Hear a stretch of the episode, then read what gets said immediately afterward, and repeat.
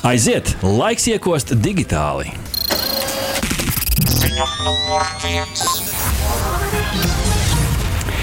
Aizraujošākā ziņa digitālajās brokastīs šodien mākslīgā intelekta treniņu rezultātā radīts raidieraksts ar nosaukumu Podcast AI, kuras saturu pilnībā ģenerē mākslīgais intelekts.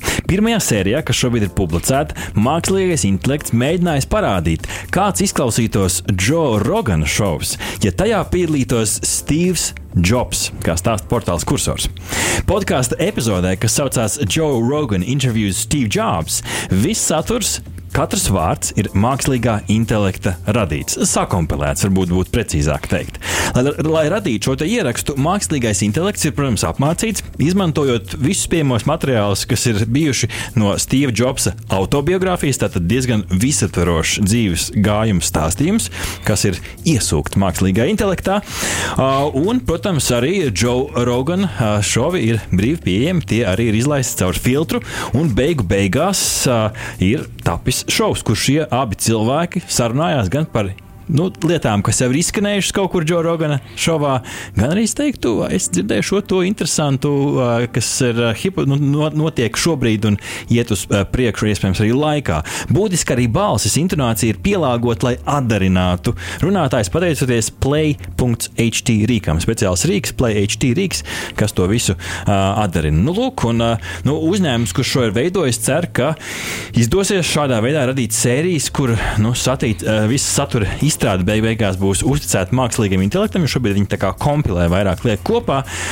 Un es jau paskatījos, starp citu, interesanti, Rihard, ir, ir balsošanas platforma, un tur nekad neuzminēs, kas ir divi sarunu partneri, ko, viņi, ko cilvēki visvairāk grib redzēt un dzirdēt. Tas ir Einsteins un Dalai Lama.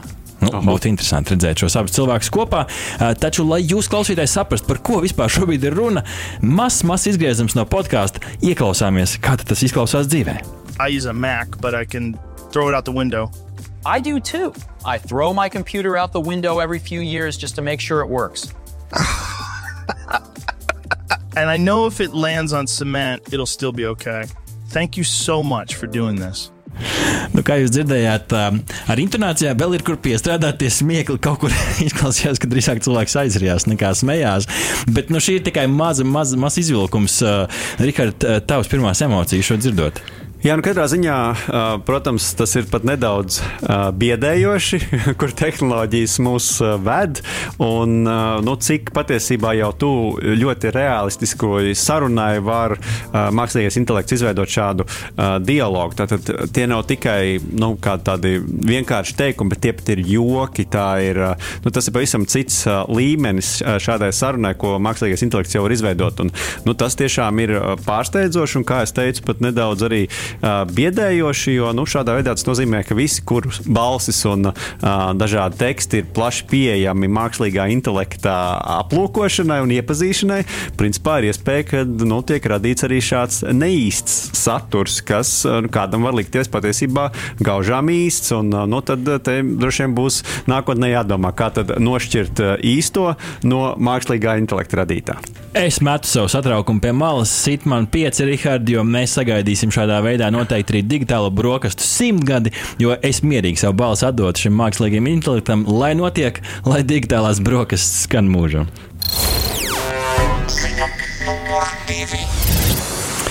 Tehnoloģiju uzņēmums LG Electronics arī Latvijas tirgu ir iepazīstinājis ar jaunu televizoru par kuru, ap citu, mēs jau esam stāstījuši. LG OLED Flex modelis LX3, uh, LX3 uh, aprīkots ar pasaulē pirmo salokāmo 42 colu OLED ekrānu. Ne pavisam, bet uh, ielokām, drīzāk teikt. Šis displejs var kļūt no pilnīgi plakana, saliekties konkrētā leņķī vairākos izmēros, pa 5 grādiem liecās un liecās un liecās, līdz tas ieņem formu, kas ir ļoti raksturīga šiem liektajiem spēļu gaming monitoriem. Tad, tad no plakana uz saliekam. Nu, televizors radīs konsoļu, datoru, cloud gamingam, visādi citādi tādam izklaides satura patērēšanai. Lietotāji var ātri nomainīt LX3 izliekumu, kā jau minēju, pa 5% uz priekšu. To mēs arī pieredzējām šo citu IFA Berlīna izstādē. Mm -hmm. Apskats joprojām ir pieejams un dzirdams arī gan YouTube, gan Spotify, gan visur citur. Pameklējiet daudz dažādas interesantas lietas, par kurām mēs tagad redzam. Uh, nu, lūk, un neskatoties uz to, šo saliekšanās leņķi, uh, kā mēs arī redzējām, izstādē attēla kvalitāte netiek upurēta. Ne, ne šis spilgtums, ne krāsas, uh, 0,1 milisekundes reakcijas laiks, kas ir svarīgi šādiem spēļu uh, monitoriem. Un, uh, pateicoties arī dažādiem algoritmiem, nu, it kā esot arī uh, mierīgāk ietekmi uz acīm, to gan mēs nevaram apstiprināt, jo mēs pavisam īsu laiku šo monitoru patestējām. Nu, protams, ir arī skaidruņi, uh, iebūvēts Dolby atmosfēras sistēmas atbalsts, starp citu. Tā kā nu, tāds labi nopakots monitors, kas, uh, kā jau mēs minējām, mūsu apskatā nu, varētu iespējams uh, diktēt kaut kādu tendenci. LG jau parasti kaut ko mēģina dīvaini atcerēties, Rihard, to TV salokāmo telefonu, kas uh, nevis salocījās, bet uh, nu, nu, jā, bet nos, mēs, ne, mēs zinām, kur LG telefoni ir tagad. Nu, jā, šobrīd viņi nav nekur. Redzēs, kā ies ar šo. Uh, bet uh, tavs redzējums par šo monitoru, kur tam ir tā īstā vieta? Jā, nu, man šķiet, ka tas tomēr pamatā ir uh, spēļu mīļotāju uh, dators. Uh, jā, kvalitāte ir izcila. Tas ir viens no saka, labākajiem LG um, ekrāniem. Noteikti arī tehnoloģiju attīstības mm -hmm. ziņā ne tikai tas izliekšanās aspekts, bet arī paša ekrāna, mm -hmm. ekrāna kvalitāte. Uh, būtiski var izmainīt ne tikai uh, šo izliekšanos, bet arī ekrāna izmēru. Respektīvi, ekrāns paliek uh, liels, jā, bet uh, to colu skaitu var samazināt. Līdz ar to, piemēram, tiem, kas grib šo te, nu, savu spēļu, spēlēšanas pieredzi nedaudz samazinātākā ekrānā piedzīvot, tad, ja nepieciešams, to var tajā brīdī arī nedaudz sašaurināt. Um, un, starp citu, tas, kas bieži izskan, ka, piemēram, tiem, kur spēlē dažādus šos te šūterus, jeb, nu, kur tu ej un šauj, tad tiem, ka reizes tieši patīk varbūt vairāk tādi plakanāki ekrāni, un savukārt tie, kur grib ienirt tajā datora vidē, kur uh, datora radītajā vidē, tad tiem atkal ir patīk, ka tas ekrāns ir tāds izliekts arī ar mašīnām braucot un tā tālāk. Tā kā, nu, jā, un piekritīšu arī, ka šī 3D skaņa noteikti ir, ir jauks papildinājums. Tā kā, nu, ļoti interesants um, ekrāns. Nu, cerēsim, ka tas būs arī par pieejamu cenu. Ziņa numur 3. Trešā ziņa no tehnoloģiju uzņēmuma Apple, kas izņēma divus jaunus planšetu datorus. Bez liela pompa, bez lielas ceremonijas iznāca iPad un iPad Pro. Vizuāli šis pamatlīmeņa iPad planšetu dators, es teiktu, ka izceļas kopumā tikai ar spilgtām krāsām. Vizuāli ļoti līdzinās saviem iepriekšējiem priekštečiem. Ekrāna izmērs 10,9 colas, Liquid Retina ekrāns. Maliņas arī diezgan izteiktas, bet es teiktu, ka planšetēm tas ir labi, jo var turēt aiz maliņām. Tas, kas ir interesanti, tad ir pazudusi homepoga, un šis skārienu jutīgais elements ir aizgājis uz sāna podziņa, kas ir, manuprāt, labi. Uh, tas, kas vēl ir interesanti, tad um, Apple beidzot ir izlabojis tādu būtisku lietojamības kļūdu. Cilvēki, kas izmanto video zonos planšetu dators no Apple, kamēr vienmēr bija sānos, un arī mums ir nācies teikt, nu, nedaudz pagrieziet planšeti, jo tā vienkārši nebija centrā. Tagad, kamēr beidzot ir centrā, beidzot pēc tik ilgiem laikiem, Apple arī šo ir izlabojis. Tas, kas gan lika daudz daudziem kasīt galvu ir pieslēgta vieta. USB-C pieslēgta vieta, kas pats par sevi nav slikti. Taču, kā mēs zinām, Apple Pencil, kas ir, nu, es, te, es pat teiktu, neatņemama planšu datoru sastāvdaļa, jo uh, to izmanto kā studijās, tā arī nezinu, pierakstiem un tam līdzīgi, tam ir Lightning ports. Līdz ar to, lai lādētu zīmolu no planšetes, kas ir vajadzīgs pārveidotājs, prātsevišķi samaksa. Apple paliek Apple. Nu, lūk, var arī pieslēgt klaviatūru, bet arī tā ir tikai sadarīga ar šo konkrēto planšu datoru. Tā kā nu, atkal paver maciņu, ja vēlies to, kas, nu, protams, nav, nav patīkami, un kur tur visur ir pazūd tas zaļais stāsts. Ja? Katru reizi jāpērk savs accessors, lai beidz stāstīt, cik zaļi viņi patiesībā ir. Kas ir interesanti, ja iPhone dižojas jau ar A16, A16 procesoru šeit tikai A14. Interesanti izvēle. Taču to var atsvērt Wi-Fi 6 un 5G savienojumības iespēja. Un, protams, arī lielais brālis Pro versija ar M2 procesoru šeit gan labākais no tā, kas šobrīd Apple ir patiešām cepura nost. Pieejami divi dažādi ekrāni, 12,9 un 11 colu. Tur ir arī maza atšķirība šajā visā, visā stāstā, jo tas jaudīgākais ekrāns ir tieši lielākajai versijai. Tā kā nu, tur arī savu marketinga stratēģiju gan jau platleņķa kamera, kas pieļauj Century Stage apšu. Vienmēr tu esi vienalga, kā tu kusties, tu esi nofiksēts centrā savos video zonos, un arī Face ID atslēgšana, kas nav mazsvarīgi.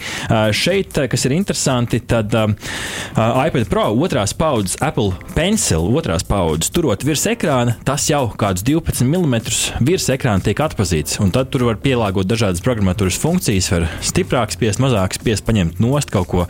Iespējams, hover ir šī funkcija, var bīdīt virs ekrāna. Levitēšana. Jā, levitēšana virs. Arī šeit USB-C pieslēgvieta, un tas pats stāsta par Wi-Fi 6 un 5G.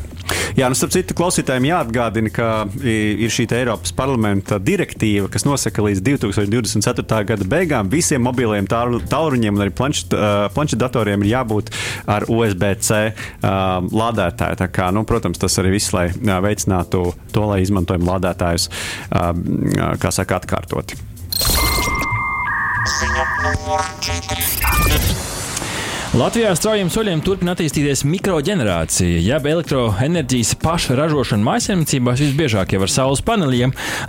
Un šodien kopējais elektroenerģijas sadales sistēmas operatoram sadales tīkls pieslēgto mikroģeneratoru skaits, tie gluži vienmēr nav saules paneļi, bet 99% esot. Šis kopējais skaits ir sasniedzis 10 tūkstošus, kas liecina par tādu nopietnu tendenci. Kopējai jaudai jau sasniedzot 80,55 megavatus, un eksperti aprēķinājuši, ka saulē saulainā dienā šiem 10,000 mikroģenerācijas aparātiem var saražot 10% no kopējā dienas elektrības patēriņa. Tātad 10,000, 10%. Nu, tad, tad, kad būs 100,000, tad laikam varēs visu Latvijas enerģiju saražot vienā, vienā dienā, vai ne? Pieaugums ievērojams no pagājušā gada - 8,000 vairāk šādu mikroģeneratoru, ko, protams, veicinājusi, kā skaidro pats sadalījuma tīkls, tad veicinājusi gan sadarbības starp iestādēm, gan arī digitalizāciju. Tad vieglāk ir arī pieteikt šos te vajadzību pieslēgt mikroģenerators kopējiem tīklam.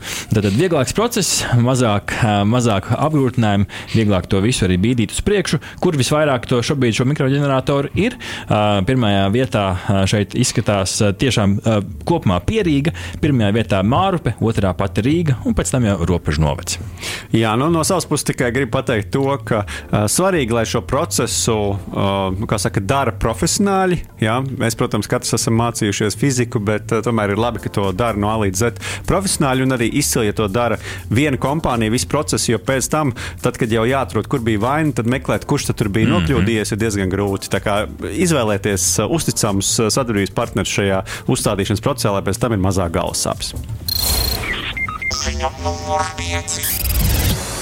Un noslēdzot digitālās brokastis, kāds uh, tendence varbūt veidojošs aspekts ziņā apvienotajā karalistē bez skaļiem paziņojumiem uzņēmums Shell ir uh, slēdzis vairākus ūdeņražu uzpildes punktus automašīnām, palikuši vien 11, kā ziņo portāls Hydrogen Insight. Uh, Shell savu lēmumu pamato ar tehnoloģijas novecošanos un neizdevīgumu. Viena stacija - 2 miljonu ASV dolāru, ir diezgan ievērojama summa, un nesot pietiekami daudz transporta līdzekļu, kas uzpildās, līdz ar to vairs nebija izdevīgi svarīgi. Nu, protams, vēl arī aizbildinājumi par tehnoloģijas novecošanos. To vēl varētu arī saprast, jo tomēr tāda nepārāk droša šī visa operācija kopumā, tomēr ūdeņradis nav arī pats drošākais elements ķīmijas tabulā. No eksperti pagaidām vērtē ūdeņraža tehnoloģiju kā neizdevīgu kopumā, jo ar ūdeņradi darbināmo elektroautorātu piedziņa ir daudz mazāk efektīva un līdz ar to dārgāka un visādi citādi. Shell drīzāk skatās, ka šo varētu izmantot iespējams smagajiem auto, lai arī tur citi eksperti arī šo apšaubu apšauba. Līdz ar to uh, ūdeņraža auto patiesais pielietojums un labās cenas meklējumi joprojām ir aktuāli. Nu, katrā ziņā klausītāji, jūs varat uh, noklausīties to, kā mums ar arterijas gāja testējot ūdeņraža auto, bet ir, lai iedot jums perspektīvu, tad šobrīd apvienotajā karalistē tiešām ir salīdzinoši neliels skaits šo automašīnu, kas ir darbināmas ar uh, ūdeņraža auto, un principā tās ir uh, gandrīz 500, un dēļ 500 mašīnām uzturēt ļoti dārgu tīklu var gadīties, ka tiešām tiešām kādam ir uh, neizdevīgi. Bet nu, no otras puses, eksperti ir arī uzsvēruši, ir citi eksperti, kur saka, ūdeņraža auto ir nākotne. Tā kā, nu, kā tad būs, to mums tikai laiks rādīs. Šeit gan veidojās varbūt tāds neliels paradoks, jo, kā mēs redzam, nav automašīnas, līdz ar to nav izdevīgi uzturēt stacijas, un līdz ar to jāslēdz stacijas, bet nav vairāk automašīnu, jo nav pietiekami daudz stacijas. Kurā brīdī mēs nonākam pie ideāla rezultāta, to jau laikam atsver tikai un vienīgi investīcijas. Aha! Paldies, ka noklausījāties mūsu līdz galam! Ja patika, uzspiediet laiku, atstājiet komentāru vai padalieties ar draugiem. Un nobaudiet arī citas epizodes, kā arī sekot mums, lai nepalaistu garām savu ikdienas tehnoloģiju ziņu devumu.